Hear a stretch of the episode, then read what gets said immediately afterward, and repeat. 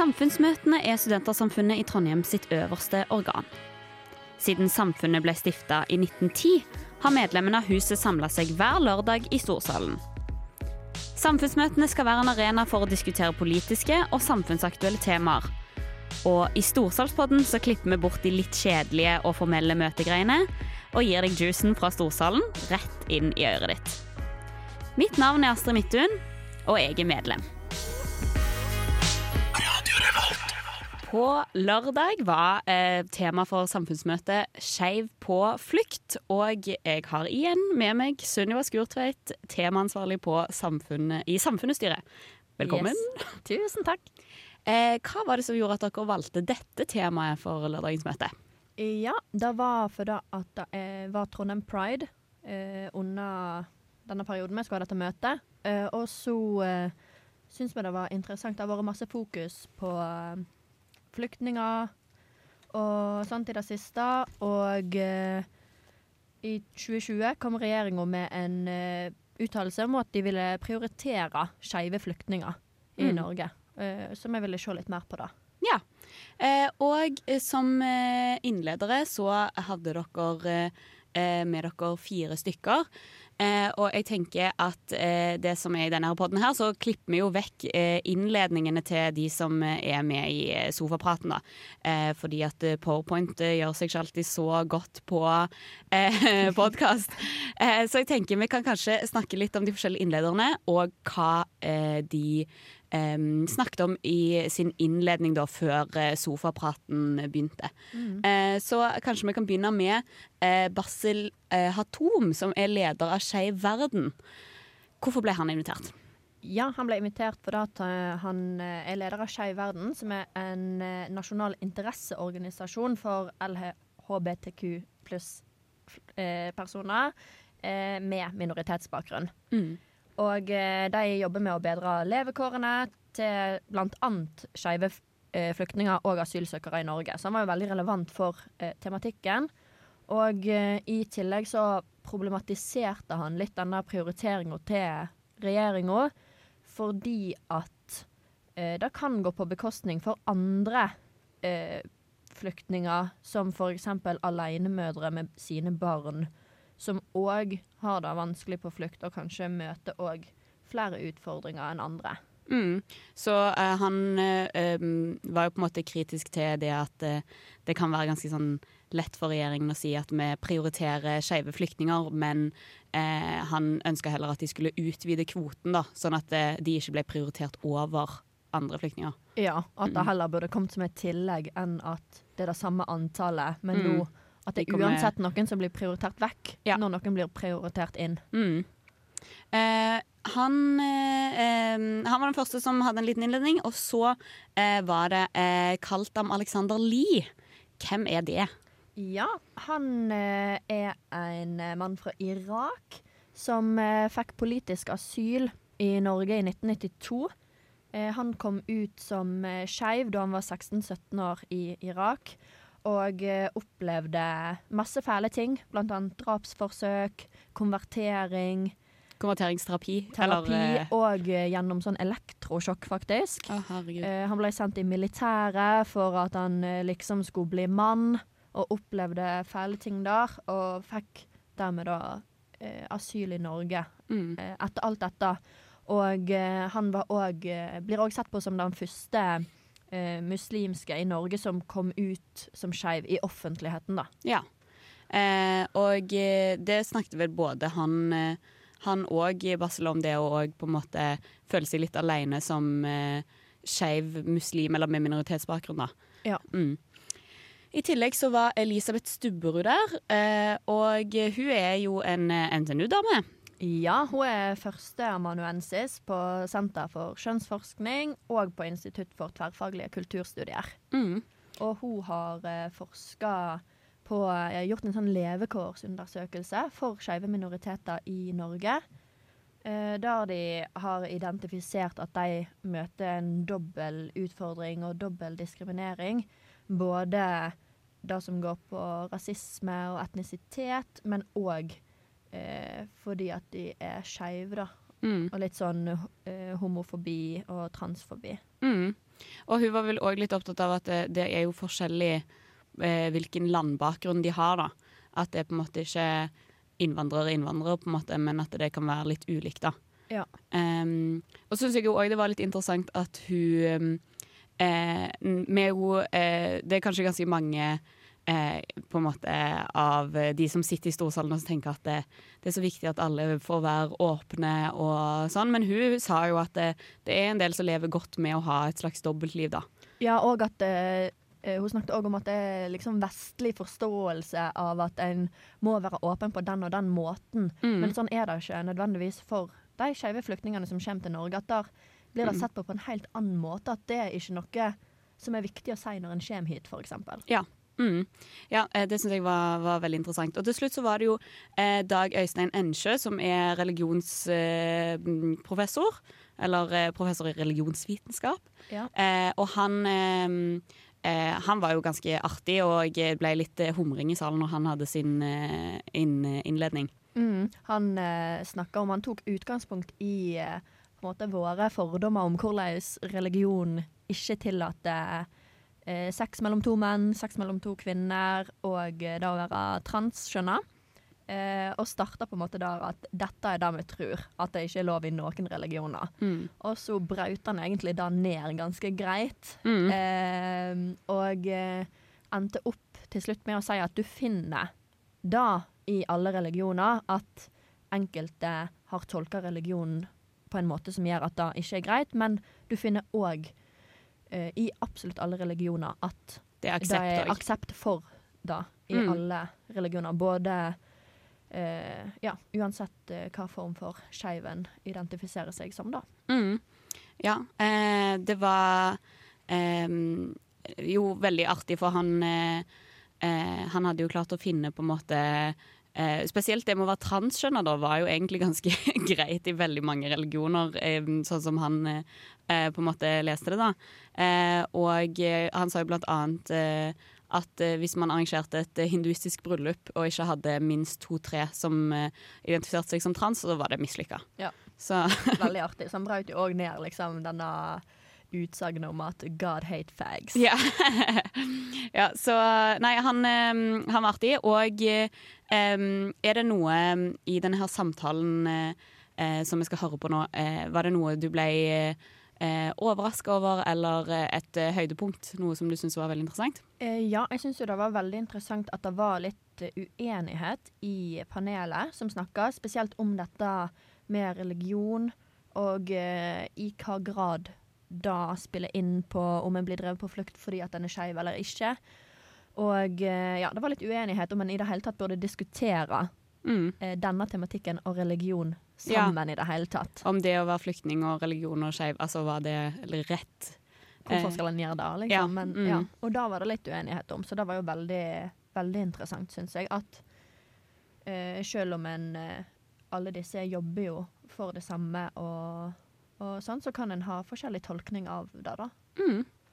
Eh, ja, eh, for meg så var det et høydepunkt. Jeg var på talerstolen sjøl, eh, og det er jo um, en, en av fordelene med å faktisk gå på møtene. Eh, og nå skal jeg jo reklamere for denne her podden, altså, det er ikke det. Men det er òg veldig stas å eh, være i storsalen og se møtene. Da får du med deg innledningene, og du får mulighet til å stille spørsmål til, direkte til panelet. Ja, så anbefaler alle å komme på mm. samfunnsmøte. Og i tillegg så er det jo eh, gøyale kunstneriske innslag i pausene. Eh, så eh, hvis du er i Trondheim, kom på samfunnsmøte. Eh, hvis du ikke er i Trondheim, hør det på pod. Yes. da får vi sette over til eh, Storsalen. Takk for at du kom, Sunniva. Tusen takk. Og eh, først så vil jeg begynne med å si tusen takk for veldig fine og sterke innledninger. Og eh, i dag så snakker vi om skeive på flukt. Eh, og Elisabeth, du sa litt om det i innledninga di, men hva er det en legger i begrepet eh, skeive? Eh, du sa at dette er et paraply, paraplybegrep. Vil du si litt mer om det? Ja, eh, det er jo flere begreper som sirkulerer her. LHBT, LHBTI, LHBTIQ, LHBTIS, LHBTIQS pluss. Skeiv syns jeg personlig er litt sånn lettere å forholde meg til. Ehm, det refererer til alle som bryter med normer for kjønn og seksualitet. Som et ganske vidt begrep. Eh, så, så, sånn som jeg bruker å forholde meg til begrepet, både som aktivist og som forsker, så er det eh, Ja, du vet sjøl hvis du er skeiv, på en måte. Det, ja. Eh, det er ikke noen sånne strenge, strenge rammer. Men, men, det å bryte med normer for kjønn og seksualitet altså jeg tenker at Det gjør en forskjell kanskje i denne sammenhengen. da, Om du gjør det på en måte som er veldig synlig. For folk, eh, og som er veldig sentral i livet ditt, eller om, om det kanskje ikke er det. Ja. ja. Mm. Eh, og eh, før eh, i kveld så har jeg lyst til å ta dere med opp i en slags sånn tidslinje eller en reise der vi eh, først begynner å snakke litt om bakgrunnsfaktorer til eh, kriminalisering av det å være skeiv, uansett hvordan eller sånn. Og så har jeg òg lyst til å snakke om litt situasjonen i verden. Hvordan er det å bli drevet på flukt pga. dette? eh, før vi snakker om eh, bl.a. Norges prioritering av eh, flyktninger og skeive flyktninger, og situasjonen for skeive med minoritetsbakgrunn i Norge i dag. Eh, men aller først så eh, vil jeg begynne å aktualisere det litt. Det er 9. september. 11. september i dag. Eh, og det er 20 år siden terrorangrepene i USA. Og dette kobles ofte til eh, situasjonen i Afghanistan. Vi har lest masse om det i nyhetene i det siste. Og eh, flere eh, nyhetsbyrå og medier melder om at eh, skeive og homofile i Kabul eh, frykter for livet sitt. Eh, og kan dere si noe om hvordan eh, situasjonen befinner disse menneskene seg i nå? Eh, hva følelse er det de kjenner på? Hvordan eh, ja, er det for disse som uttrykker denne frykten? Jeg kan jo si et uh, par, uh, par, ting om det. Uh, jeg har jo vært noen henvendelser i Skeiv verden gjennom både eh, samarbeidsorganisasjoner og, eh, og internasjonale nettverk eh, om personer som, eh, som Spesielt den, det vinduet med to uker på evakuering føltes veldig eh, Veldig ut som på en måte enden av av verden. Eller det føltes bare veldig sånn at døren til, ut av Afghanistan Eh, eh, holdt på å smelle igjen. Mm. Nå har vi jo sett at det eh, har blitt åpnet grenser gjennom Pakistan for mulighet for evakuering. Det har jo på en måte lettet litt på trykket for noen. Men det var et par saker som, som kom inn om Uh, om regnbuefamilier, skeive familier uh, med uh, barn som identifiseres som trans. Mm. Eh, og de familiene var desperate for å komme seg ut. Eh, og de sakene jeg fikk i Skeiv verden, hadde da de personene tilknytning til Norge. Um, jeg, ja, jeg, jeg, vet jo også at det fins lokale organisasjoner i, i, Afghanistan uh, som roper om hjelp eh, og, og, støtte på alle mulige måter. Eh, men det er tilsynelatende ikke eh, så mye hjelp å få fra Europa.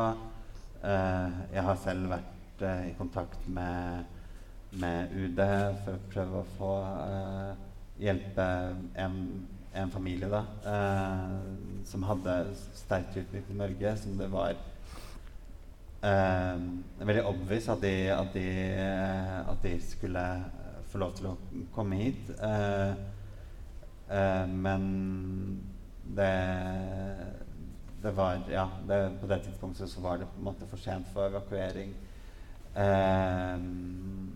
ja. så det er veldig mange som føler seg etterlatt i Afghanistan, tror jeg. Mm. Mm. Og eh, Taliban har jo òg uttrykt at eh, at eh, afghanere ikke har noe å frykte. Eh, men historien sier jo gjerne noe annet om hvordan de har behandla homofile menn, bl.a. Eh, men kan en tro på at, eh, skal en tro på at det har skjedd en forandring her? Eh, har dere noen tanker om det? Et lite sukk. Ja. Ja. Nei, det, er, det er jo uh, vanskelig å vite. altså Man må jo rett og slett se hvordan det er praksis, praksis. Men poenget er at med en gang man ser det i praksis, så er det jo da for sent for de individene som da rammes. Og det blir jo aldeles eh, tragisk. Altså hvordan det var jo da i utgangspunktet før 2001, så var det jo rett og slett at uh, at uh, LHBT-personer, eller skeive, eller hva slags uttrykk man nå bruker, hele tiden var i, i livsfare. Altså med en gang altså, de var synlige. Um, og der, men samtidig må man også huske at det er, det er jo litt um, Afghanistan er jo også et land som i utgangspunktet har hatt veldig stor aksept for sex mellom menn. Det er, men det er uttrykkelse der på tvers av altså av alder. Altså det har vært liksom en eldre og en litt yngre eh, partner som regel. Uh, så det er et komplekst landskap vi ser, og det har på en måte fungert veldig det er sånn på en måte det alltid har vært, for å si det slik.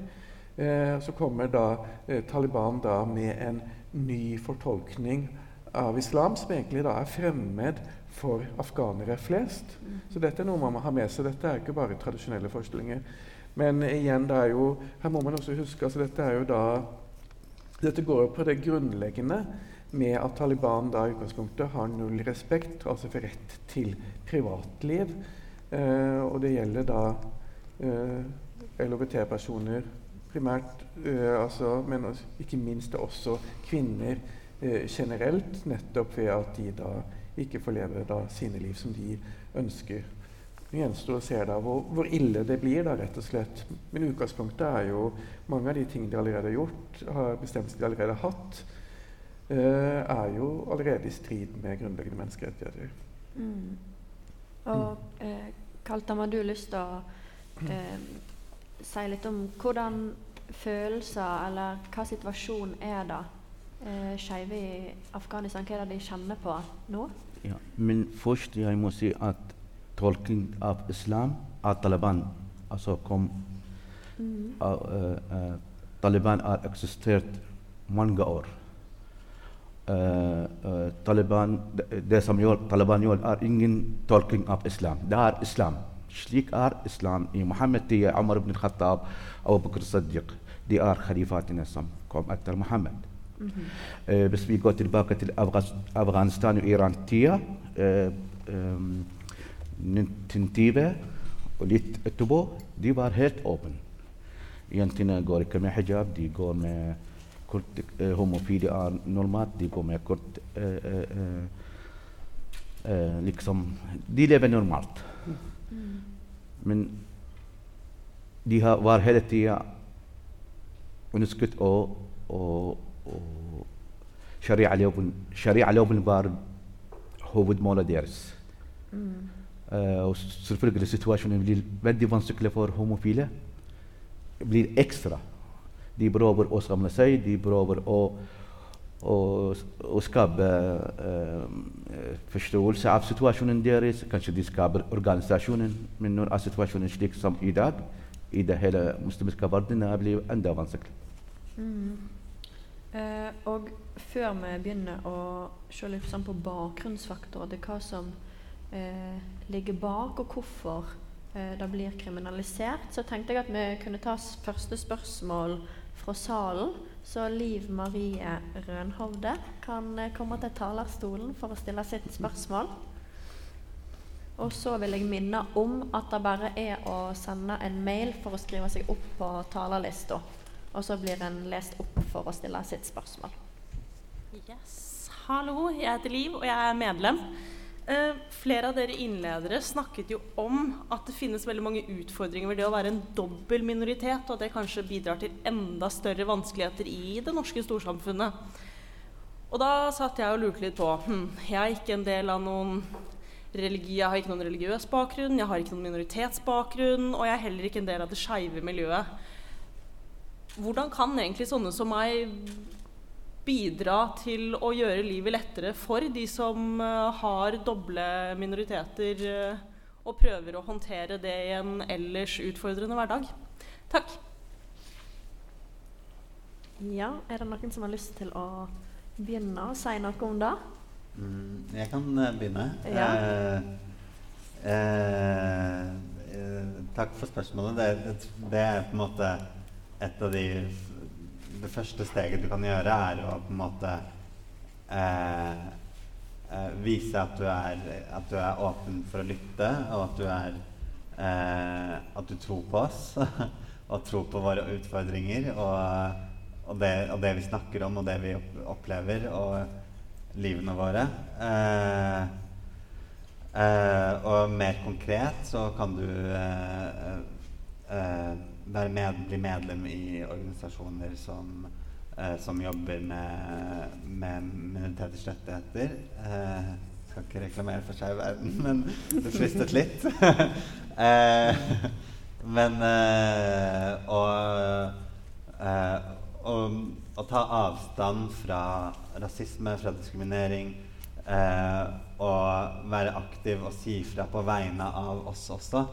Eh, for vi blir også veldig slitne av å måtte hele tiden ta kampen eh, på vegne av oss selv. Vi må gjøre det hver dag. Bare som vi går ut døra for å gå på butikken, så er det en kamp. Eh, så det å på en måte ta en sur smiley på kommentarfelt som er rasistiske, eller gjerne svare. Eh, det ser vi. Eh, så ja.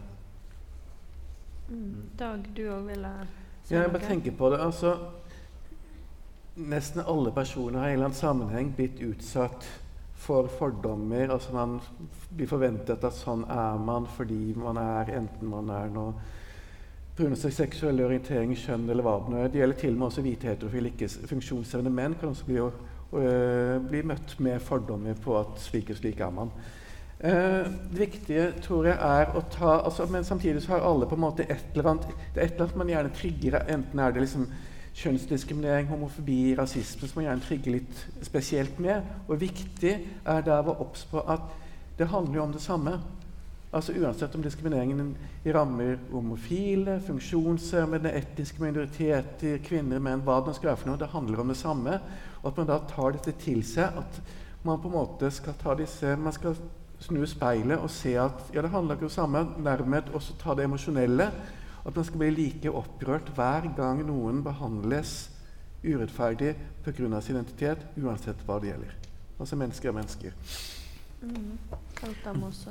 Mm. Ja, eh, det er sant. Det er altså eh, Problemet ligger ikke bare, altså ikke bare i islam eller vandrere. Det er i norsk samfunn også. Det vet jeg veldig godt. Ja. Men hvordan vi klarer å, å liksom å bygge det enda ekstra og gjøre det sterkere. Altså ikke dra religion inn. Altså når, når vi skal diskutere om homofili, så vi må diskutere altså vi drar menneskerettigheter inn. Uten å dra. Hvis vi drar religion inn, da blir, da blir det veldig vanskelig. Mm. Og det er veldig viktig å, å, å, å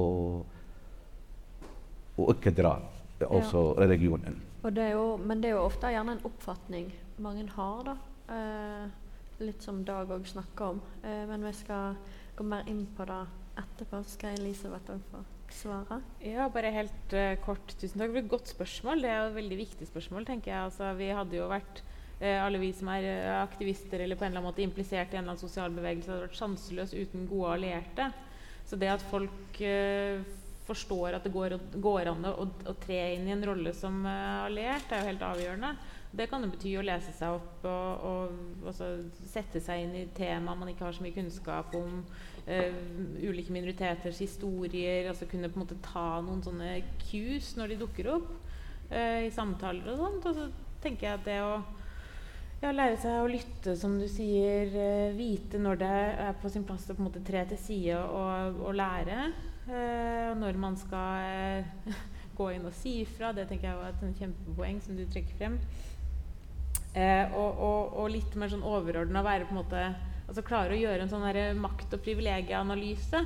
Sånn der, ok, men her noen Altså noen av oss utsettes for mer diskriminering og marginalisering enn andre. Vit noe om hvor du selv står i, i sammenligna med andre folk. Eh, og forstå at ok, men jeg har noen privilegier. Det betyr ikke at livet er lett for det, og sånt, men, eh, men jeg har noen privilegier som kanskje gjør meg i stand til å ja, litt lettere ta kampen i nettforumen på vegne av noen andre. Mm. Hvis man klarer å gjøre en sånn liten eh, maktanalyse, så tenker jeg at det er et godt utgangspunkt for å være en god alliert. Mm. Og eh, da vil jeg ta oss litt tilbake til å snakke om liksom bakgrunnsfaktorer og sånn. Og hva mekanismer er det som egentlig ligger bak da at eh, det å identifisere seg som skeiv er kriminelt eller blir kriminalisert i så mange land. Eh, Amnesty melder jo bl.a. om at det er kriminelt å være homofil i 69 land, så jeg jo på nettsiden deres i dag. Ja.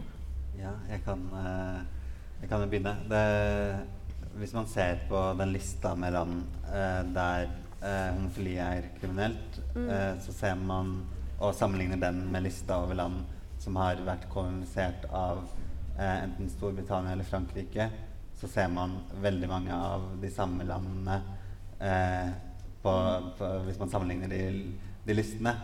Og det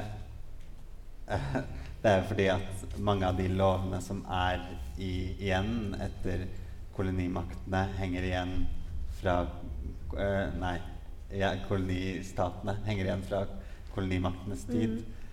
Eh, så jeg, ja, jeg, jeg, tror- jeg tror det er et av hovedproblemene. Eh, problemene. jeg tror eh, Dag Øystein Ensjø kanskje sende ordet. stjal det- stjal Ja, nei, det er fint, det er kjempefint. Altså, eh, man må huske altså, Det er religion som ligger i grunnen. Men altså, det er forskjellige altså, Storbritannia var veldig flink nettopp med å få inn disse forbudene. og Det var jo selvfølgelig kristne forskning som lå til grunn. Men i hovedsak gjaldt det da sex mellom menn, fordi det er jo det som i hovedsak har vært problematisk i kristendommen. Eh, når det gjelder islam, så må vi huske at uh, verdens største muslimske rike, altså ottomanske rike, som da var fra mellom Tunisia og Kuwait og Bosnia til Jemen, avkriminaliserte alt i 1858.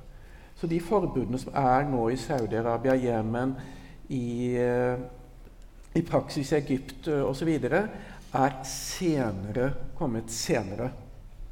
Eh, Eh, Det interessante er jo da, som du påpekte, at eh, en del av disse lovene Sånn som i Pakistan og Bangladesh, det er ikke muslimske lover som ligger til forbudet mot sex mellom menn, det er britiske lover, som også da var i India frem til bare for bare et par, par år siden. Eh, Det som har kommet til i det siste, er jo da at det er blitt det større fokuset på identiteten. Det er nyere. Uh, og det er løsere fra religion. For husk at religioner, ingen religion forholder seg til homofili. Det er noe nytt. Homofili, homoseksualitet ble oppfunnet på 1800-tallet som begrep. Sex mellom menn og sex mellom kvinner ble sett som helt forskjellige ting i alle religioner.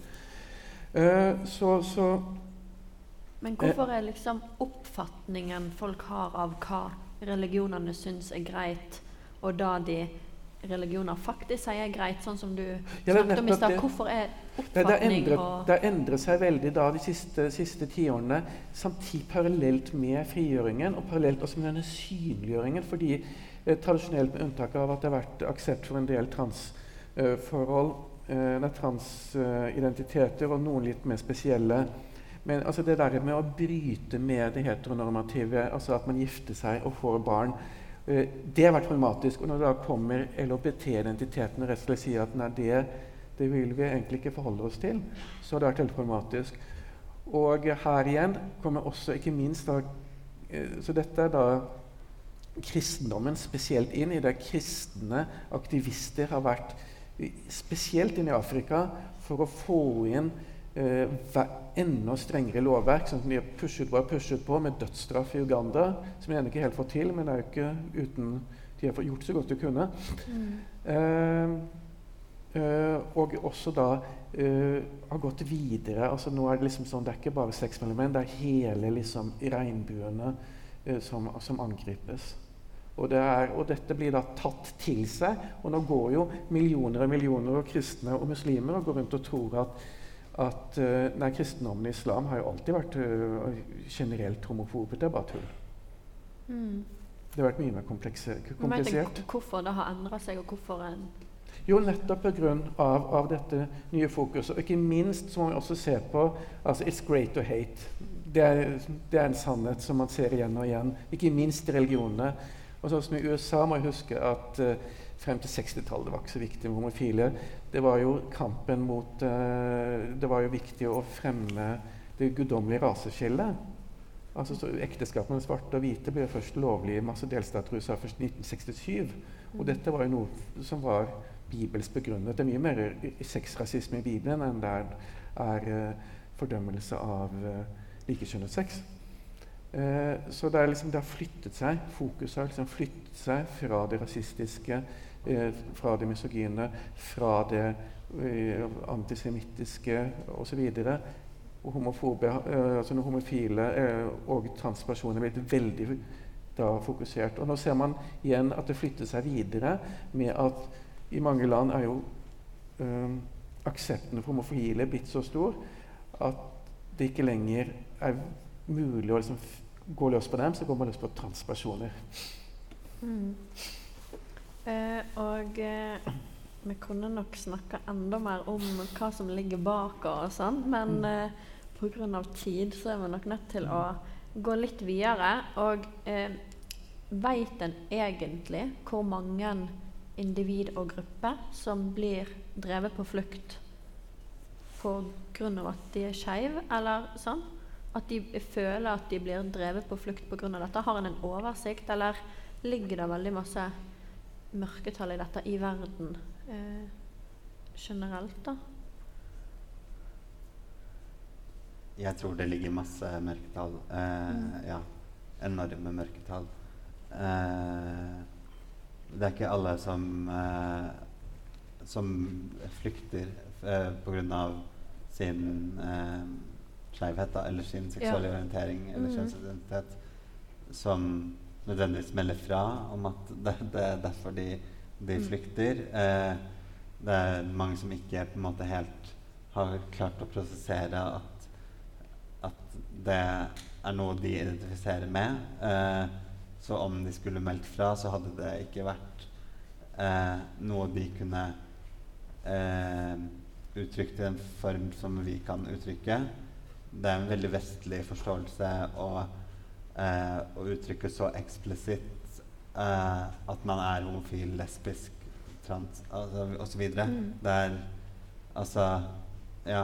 Eh, jeg tror det er en helt annen forståelse der ute av hva skeivhet er, eh, enn det mm. vi klarer å, å, ta inn over oss. Eh, ja. Mm. Elisabeth? Bare for å mm, Et av de prosjektene jeg har jobba på, handla om skeive enslige mindreårige asylsøkere. Og der var det jo nettopp mange som enten ikke hadde den der veldig tydelige, artikulerte, vestlige, moderne forståelsen av uh, homoseksualitet uh, i, i, de fleste tilfeller da, som, som uh, en identitet. og så var det mange som ikke tenkte at det var noe man kunne snakke med politiet om. Det er det jo ikke i f.eks. Afghanistan, der, der mange av de kom fra. Uh, som rett og slett ikke hadde tillit til myndighetene. Og så um, uh, var det mange som ikke visste at det var viktig for asylsaken. Mm. Eh, så, så det, er liksom, det, er så mange ting som spiller inn når det gjelder å lage statistikk. Da, eller få en sånn oversikt. Og så er det jo også noe med at kjønn og seksualitet er jo ikke entydige størrelser. Det er også noe som er i flyt på en eller annen måte for de fleste av oss. Mm. Ting skjer i livet. Vi forandrer oss. Så ja. Mm. Bare selv. Og det er jo også det som blir lagt til grunn i asylsaken, om hvorvidt du klarer å uh, artikulere og, uh, din skeivhet på en måte som UDI-saksbehandlerne klarer å forstå. Uh, hvis du ikke klarer det, så får du avslag på asylsaken din, selv om mm. du helt klart er skeiv, eh, bare med en annen, litt annen forståelse ja. eh, av hva det er. Eh, og det har vært til Det er fint du tar opp det med enslige mindreårige fra Afghanistan, for vi har hatt eh, tilfeller av enslige mindreårige eh, asylsøkere som er skeive fra Afghanistan, som har blitt returnert til Afghanistan eh, for et par år tilbake. Eh, som vi nå er veldig bekymra for. Vi har jo ikke fått kontakt med de. Eh, men uh, ja. Så det, det er et stort problem og et stort hull, vil jeg si, i det norske asylsystemet. Ja. Um, mm. Mm. Eh, ja. Ja, ja, og vi skal snakke eh, enda mer om det etterpå. Men jeg tenker at Astrid Midtun kan få komme opp og stille sitt spørsmål. Hallo, jeg heter Astrid. Eh, jeg lurte egentlig på litt eh, det dere begynte å prate om nå. Eh, hvordan fungerer egentlig det norske asylsystemet når det kommer til at du må bevise at du har en skeiv identitet? Må du svare på et spørreskjema? Hvordan kan man i det hele tatt bevise noe sånn? Og eh, er metodene som brukes, problematiske eventuelt? Takk. Kaltan, vil du Altså, den asylsøkere som er homofile, denne saken er veldig vanskelig. Det er altså هوموفيلي تيما هوموفيلي أصيل هوموفيلي آر وتنتت دار مانغاس غام كومن دي سي دي آر هوموفيلي من نو دي فو بابيرا دي آر أصو ايكا هوموفيلي وي هار بد ستور بروبليم دي اود لجر فور دي سم ار فيركري ترانجريال وي بيت ات دار مانغا بليسنت اف نورغا دي ار فيركري هوموفيلي ودار مانغا سم ابليت هار اي نورغا ودي ار ايكا هوموفيلي دي ار nå er utenfor Norge med to. Og når vi diskuterer om det, så kommer denne organisasjonen organisasjon Skeive Verden tidligere dere da. De, altså, de sier nei, det er ikke sant, f.eks. det jeg sier. At vi må uh, hjelpe de som virkelig trenger hjelp, og de som er, ikke trenger hjelp. Her i Norge er Mossad. De som er virkelig homofile, de blir sendt. Og de som er ikke homofile, de blir her. Og det er store problemer. Ja, det... Men hvordan vi skal gjøre, gj- gj- gjøre det, så det er opp, eh, altså, um, det er samvittigheten. ikke sant? De folk vet at homofile er slitet der nede, og situasjonen utnyttes. Og vi har veldig store problemer med det. mm, Uh, At det kan tenkes at enkelte utnytter dette systemet. Men hvordan eh, er egentlig denne, hvis en går tilbake til eh, Astrid sitt spørsmål med eh, Ja, hvordan Er det et skjema? Blir man prioritert, eller? Jeg vil svare kjapt på det Ja, ja, ja. Eh, som ble sagt nå? Ja, det er sikkert et par tilfeller der enkelte har utnyttet systemet og, og eh, Det er mange, det er ikke tilfeller. Det er mange i skeive miljøer. det også- jo også- også- fins jo også personer som er bifile. Det er lov å eh, først ha Hvis du er mann, ha en mannlig sexpartner, og så ha en kvinnelig sexpartner, og så gå tilbake. Eh, så det å være skeiv er litt mer fleksibelt enn som så, vil jeg si. Eh, så ja. Eh, men sikkert noen som utnytter det, og sikkert eh, også mange tilfeller av personer som blir sendt ut eh, på feil grunnlag. Eh, så det er jo det er jo komplekst. Det er jo vanskelig å skulle Og systemet er kanskje ikke eh, perfekt heller. Skulle, nei, og, ja, og det å skulle på en måte sånn Sjekke om noen er eh, homofil, hvorvidt personen er homofil, lesbisk eh, eller bi eller ikke. Bipersoner får forresten ikke opphold fordi de får beskjed om at de bare kan reise hjem og uh, være sammen med noen av uh, det motsatte kjønn. Um, men um, ja, tilbake til spørsmålet. Ja. Eh, eh, ja, altså det er jo intervjuer. UDI har intervjumanualer på det.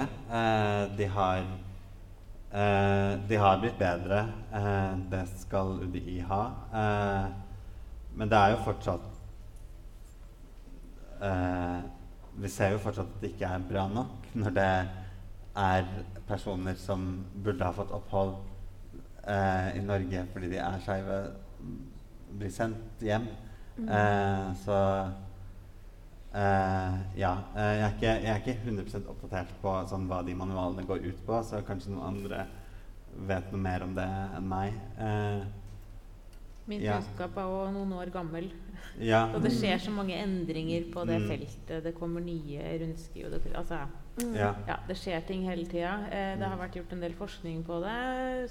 Hvor de problematiske aspektene har blitt bretta ut ganske grundig rundt hvordan folk avkreves å italesette en, eh, en historie Altså fortelle frem en historie om seg selv eh, og sin kjønnsidentitet eller seksuell orientering på en måte som er lett gjenkjennelig. Mm. Og du må følge et bestemt skript, og hvis du ikke følger det skriptet, så blir du ikke trodd, og da er det avslag og ferdig med det. Så og også at det har vært eh, ja, veldig dårlig informasjon om hva, hvilke deler av livet ditt er det du skal fortelle om i et uh, asylintervju. Eh, også til, overfor eh, enslige mindreårige. At det at hvis du, ja, hvis du er skeiv, så er det faktisk viktig. Det er, det er noe som ikke informeres om tilstrekkelig. Så ja. Men eh, jeg, jeg har forstått nå. Du mener at folk som kommer til Norge, Mm. homofile asylsøkere, liksom, skal jo UDI eller Norge gi dem informasjon om hva de skal liksom fortelle om dem? At de er homofile? Om deres lev opplevelse, eller hva du mener med det? Ja, jeg tenker at uh, for folk som kommer hit som ikke vet Altså enslige mindreårige f.eks. Som ikke vet det. Uh, som er homofile, men som ikke vet at det er viktig. Jeg tenker at det er greit å få vite hvilke, hvilke deler av livet ditt er det du skal fortelle om. Uh, og hva gjør myndighetene med den informasjonen? For det er jo en sånn ting som, som uh, i dette tilfellet da barn ikke har noen forutsetninger for å vite noe om. Ja, og for å bygge litt videre på, på spørsmålet som ble stilt, eh, så skrev Blikk eh, i år at eh, fra et intervju med en asylsøker at eh, denne personen da han kom til eh, da han kom til Europa, måtte framvise videoer og annet og bilder av varierende grad av intimitet for å bevise sin skeivhet. Eh, og hvordan kan man unngå at noe sånt skjer? Eh, og eh, ja. Det har vært eh, praksis i Norge før. Nå er det ikke krav om det lenger eh, eh, i det nye oppdaterte metodene de bruker. Ja. Men det, de får beskjed om at det styrker asylsaken din eh, hvis, hvis du kan bevise det, hvis du har materiell som kan bevise Mm, eh, intimt samvær ja. med, med det samme kjønn. Mm. Eh, ja. Mm. Um, og i 2020 så kom jo regjeringa òg med en pressemelding der de sa at eh, lesbiske, homofile, bifile og transpersoner skal prioriteres som grupper og som individ ved uttak av overføringsflyktninger. Men ehm, hva betyr egentlig en sånn prioritering? Dag, vil du si noe om det? Der må man tenke på, på hvilket grunnlag det er gjort dette her. fordi når det gjelder LHBT-flyktninger altså Dette er jo folk som i utgangspunktet er eksempel i flyktningleirer, er i en flyktningsituasjon. De er ofte spesielt utsatte. Altså de er jo, altså I utgangspunktet er det jo da flyktninger, gjerne da fra krigsområder. Eh, de har ofte mått, blitt eh, Er nå altså rett og slett eh, altså De har måttet bryte med familien, de har, familien har brutt med dem, eller de er rett og slett gjenstand for forfølgelse fra familien sin. De er gjenstand for eh, seksuell og vold fra andre flyktninger, ikke minst i flyktningleirer og sånne ting. Altså De er for, veldig forferdelig utsatte. Altså her igjen, altså jeg snakker om flytende seksualitet. altså eh, LHBT-personer kan gjerne voldtas av, het, altså av folk som ikke ser seg på LHBT, nettopp pga. Av, av eh, hvordan disse eh, seksualiteten flyter. Eh, så det er på det grunnlaget at, at de er eh, så spesielt utsatte for men, grunnleggende menneskerettighetsbrudd i sin flyktningsituasjon at er, er da grunnlaget for at, de har blitt sagt at, vi, at Norge har sagt at vi ønsker å prioritere, prioritere dem. Ja, og, Men vet dere, har en sett noen resultat av denne prioriteringen? Har det vært noen endringer etter eh, regjeringen kom ut med en sånn prioritering? Eh, nå har det jo vært eh, i et år eh, sånn, fra 2020. Eh, Vet en noe om det? Har det skjedd noen endringer på dette feltet det siste året? Eller venter en fortsatt på det? ja, eh, det, det, det, har jo Det, det kommer eh, Det kommer stadig flere LHBT-flyktninger eh, til Norge eh, i andel. Eh, men i antall eh, flyktninger som kommer til Norge, så er det fortsatt den samme kvota flyktninger mm. eh, på 3000 i året eh, som Norge tar imot. Eh, som jo vi i Skeiv Verden syns er altfor, altfor lite. Eh, det å skulle sette en prioriteringsliste innenfor en så eh, eh, lite antall mennesker gjør jo også bl.a. situasjonen for LHBT-flyktninger verre i, i flyktningleir andre steder. For da blir det konkurranse om, om de får plassene til uttak eh, av, av, leirene ut av f.eks. Eh, ikke nødvendigvis leir, leire heller, men sånn de, de, stedene vi tar ut flyktninger til Norge, er Libanon, Jordan eh, og et sted til som jeg ikke husker akkurat nå. Sudan, tror jeg. Eh, og der er, der er folk veldig bevisst på eh, hvem som blir prioritert, hva som blir prioritert hvor. Mm. Eh, og det er konkurranse om plassene.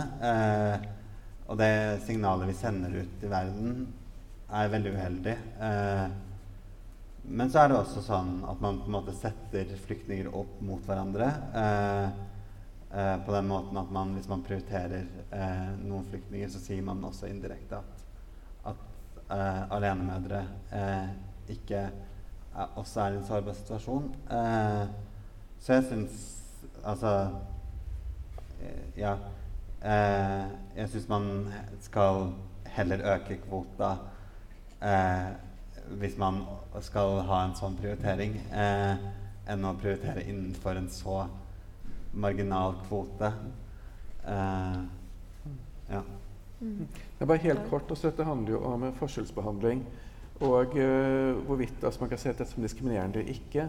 Men poenget er jo at ut fra de spesielt harde forholdene som LHBT-flyktninger har i flyktningsituasjon, så må dette kunne sees som en saklig forskjellsbehandling innad i grupperinger. Men igjen, altså uh, Man kan argumentere så ikke får større uh, flyktninginntak generelt og sånne ting, men her er innenfor da hvordan Norge velger å prioritere generelt. og da vil ikke dette kunne dette er ikke, dette er ikke diskriminering, dette er en saklig forskjellsbehandling hvis dette skulle være behandlet menneskerettslig.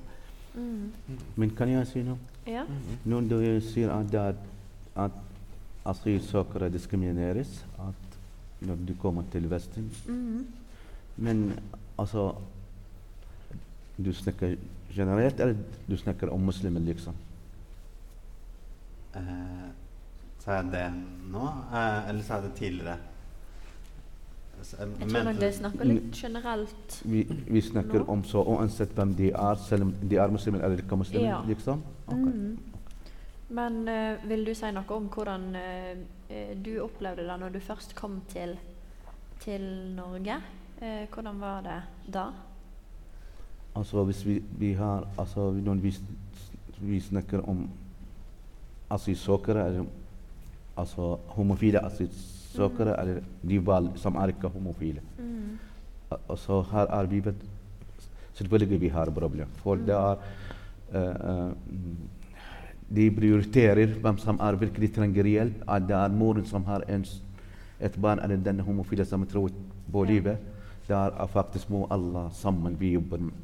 altså, og, og, og, si til norsk f.eks. norske politikere at de må altså, åpne mer rom. For mm. er, når det gjelder denne saken, er rom veldig trang. Altså. Ja. Uh, og Elisabeth, du har jo uh, snakket om denne forskningsstudien uh, tidligere. Og um, kan du si noe mer om hva de forteller om når de først kommer til Norge, og kanskje kommer inn i dette nålauget, da, som det kanskje virker som det er? Mm. Ja, altså vi intervjua jo det, var jo folk i alle innvandrerkategorier. Eh, men flyktninger, eh, altså de som hadde flyktning, kommet som flyktninger på ulike grunnlag, eh, hadde det spesielt vanskelig. Mm. Og sånn markant, de hadde markant mange flere problemer. Beskrev markant vanskeligere liv eh, enn folk som kom på andre altså kom av andre grunner. Eh, og det handla mye om hva som skjedde sånn umiddelbart etter ankomst til Norge. At det å, å bo på et asylmottak kan være kjempetøft. Eh, og, og altså, enten man er enslig mindreårig eller voksen. Um, introduksjonsprogrammet, det å gå på norskkurs altså du må, Det er en hel masse sånne si, jumping through the loops. Det er en hel masse greier du bare må gjennom for å, å beholde noen, et minimum av økonomiske rettigheter, f.eks. Eh, og det var bl.a. folk som beskrev eh, situasjonen på de norskkursene på, altså på introduksjonsprogrammet som, som kjempeharde fordi at de ble mobba. Altså det var måte de var liksom eh, ja, Skal jeg være åpen om at jeg er skeiv, eller skal jeg ikke være åpen? Og uansett hva de valgte, så ble det liksom feil. Mm. Um, og det var en del som valgte Jo, så blir du bosatt. og du kan bli bosatt mange steder. Og det er liksom en eh, evig diskusjon er det bedre å være skeiv i byen eller på bygda. Uh, hvor mange er oppfatning av at det er mye lettere å være skeiv i byen. Spesielt homofile menn ser ut til å mene det, for de bor stort sett i byen. I Oslo, da, spesifikt. Uh, og så kan man si at nei da, men det går kjempefint å være skeiv på bygda. Og det gjør det for mange av oss hvis vi er hvit, relativt bemidla, kanskje har vi barn. Altså Da går det veldig lett. Hvis du kommer som flyktning eh, på et uh, sted langt utafor allfarvei Saken er, Da har du ikke noe nettverk. Du har ikke noe annet skeivt nettverk. Og i hvert fall ikke noe skeivt nettverk av andre med innvandrerbakgrunn. Mm. Og for folk som er nye i Norge, så kan det være ganske viktig. Eh, og ha kontakt med andre i samme livssituasjon, eller som har vært gjennom noen av de samme tingene. Så, så det var òg en sånn grunn til at det var folk som vi intervjua, som f.eks. hadde valgt å bare si fra seg alle rettigheter. Eh, altså de var helt De hadde ikke et rødt øre, liksom. Eh, men, men, de flytta til byen der de hadde et nettverk. Ja. Så, så det, det, er noen sånne system Det er noen ganske sånn store problemer med systemet. Mm. Ja, som sikkert uh, du vet enda mer om enn meg, uh, med deres målgruppe. Ja, jeg kjenner igjen beskrivelsen veldig godt fra, fra, fra min hverdag, holdt jeg på å si. Eh, fra det jeg jobber med i Skeiv og de jeg møter. ja, du, du bare sa det på en veldig flott akademisk matte, så jeg tror ikke jeg skal ødelegge det. eh, men eh, ja. Eh, det, det, er stor grad av ensomhet for, eh, for skeive med innvandrerbakgrunn som bor på asylmottak langt unna. Og du nevnte mange faktorer, men også det med å, med å komme seg rundt. Det, hvis du bor eh, på et asylmottak i en liten bygd, du har ikke tilgang til bil eh, da, eller sånn, Du er virkelig så isolert. og Um, hvert år under Pride så pleier vi å så har vi, vi har et prosjekt som vi formidler til, uh, der vi kan invitere deltakere til Pride i Oslo mm. uh, fra, fra, rundt om i Norge. Og da pleier vi å ha rundt 20 deltakere hvert år uh, som reiser til Oslo fra forskjellige steder i Norge, gjerne da bosatte på, på asylmottak. Og den ekstasen de går gjennom den uka de er i Oslo på Pride, og bare Oh my god, det er andre skeive eh, med innvandrerbakgrunn her. Mm. Hallo, dere fins. Det, det, det, det, er helt ubeskrivelig, og det, det, skjønner jeg. Altså sånn Det Ja. Mm. ja. Eh, altså sånn Ja, det er bare Ja. Det må være veldig isolerende, og veldig, man må føle seg veldig isolert. Ja. Uh, ja. Mm. Og jeg tror eh, da kan eh, Liv Marie Rønhovde komme opp for å stille sitt spørsmål. Og så gir jeg ordet bort til Fredrik mens hun kommer opp på talerstolen. Ja, hvis det ikke er noen innvendinger mot det, så drar vi strek eh, på talerlista om eh, to minutter. Så da kan man sende mail, da. Takk. Jeg heter fortsatt Liv, og jeg har et tilspørsmål. Jeg syns dere har snakket veldig fint og opplysende om eh, hvordan man kan oppleve det her i Norge. Eh, som jeg ikke hadde anelse om i det hele tatt. Men det jeg satt og lurte på da jeg leste tittelen til dette arrangementet, det var egentlig hvilke tilbud og ressurser er på plass i flyktningleirer rundt omkring i verden når det kommer til å ta hensyn til skeives behov når man kommer til et sted og trenger beskyttelse. Det har allerede også blitt nevnt her eh, i panelet at eh, de møter mange, mange utfordringer i flyktningleirene de kommer til. Ja, er det noen som føler seg kalla til å begynne? Dag, vet du f.eks. noe om det? Det kjenner jeg ikke til, altså, det, om det i hele tatt er noe. Så, så, det er nettopp en av de utfordringene de, de u, som vi står overfor. da. Mm. At de har ikke noen Det er ikke noe nettverk som, som står der og velker, venter dem velkommen. Men uh, ja, om det finnes noen flyktninger her, det, vet jeg ikke, men i utgangspunktet tvil, tviler jeg det på det. Mm. Det er da nok noe vi burde Mhm. eh, finne ut av, og kanskje Mhm. prøve å bidra til at det kan Mhm. bli litt mer eh, fokus på det. Mm. Um, men um, jeg eh, lurer òg på eh, For det i Skeiv Skeiv verden jobber med å forbedre eh, levekårene til skeive med minoritetsbakgrunn. Eh, og eh, hva ser dere at trengs å forbedre eh, i framtida og i dag, egentlig?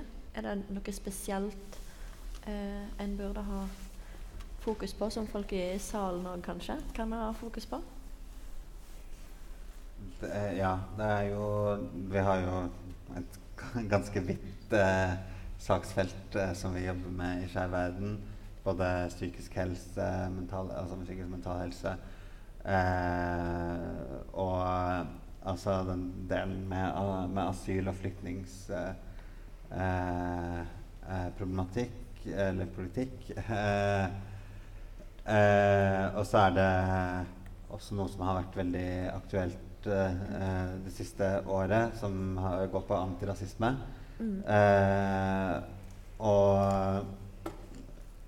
jeg mener at det er noe eh, alle burde bli litt flinkere på. Det tror jeg alle vi har i oss. Mm. Eh, I å eh, støtte kampen mot, eh, mot rasisme eh, og, og stå sammen mot all form for diskriminering. Eh, ja. Mm. Og så Nå ser jeg òg at vi begynner å uh, løpe litt ut av tid. men jeg har lyst å utfordre dere på en, et siste spørsmål.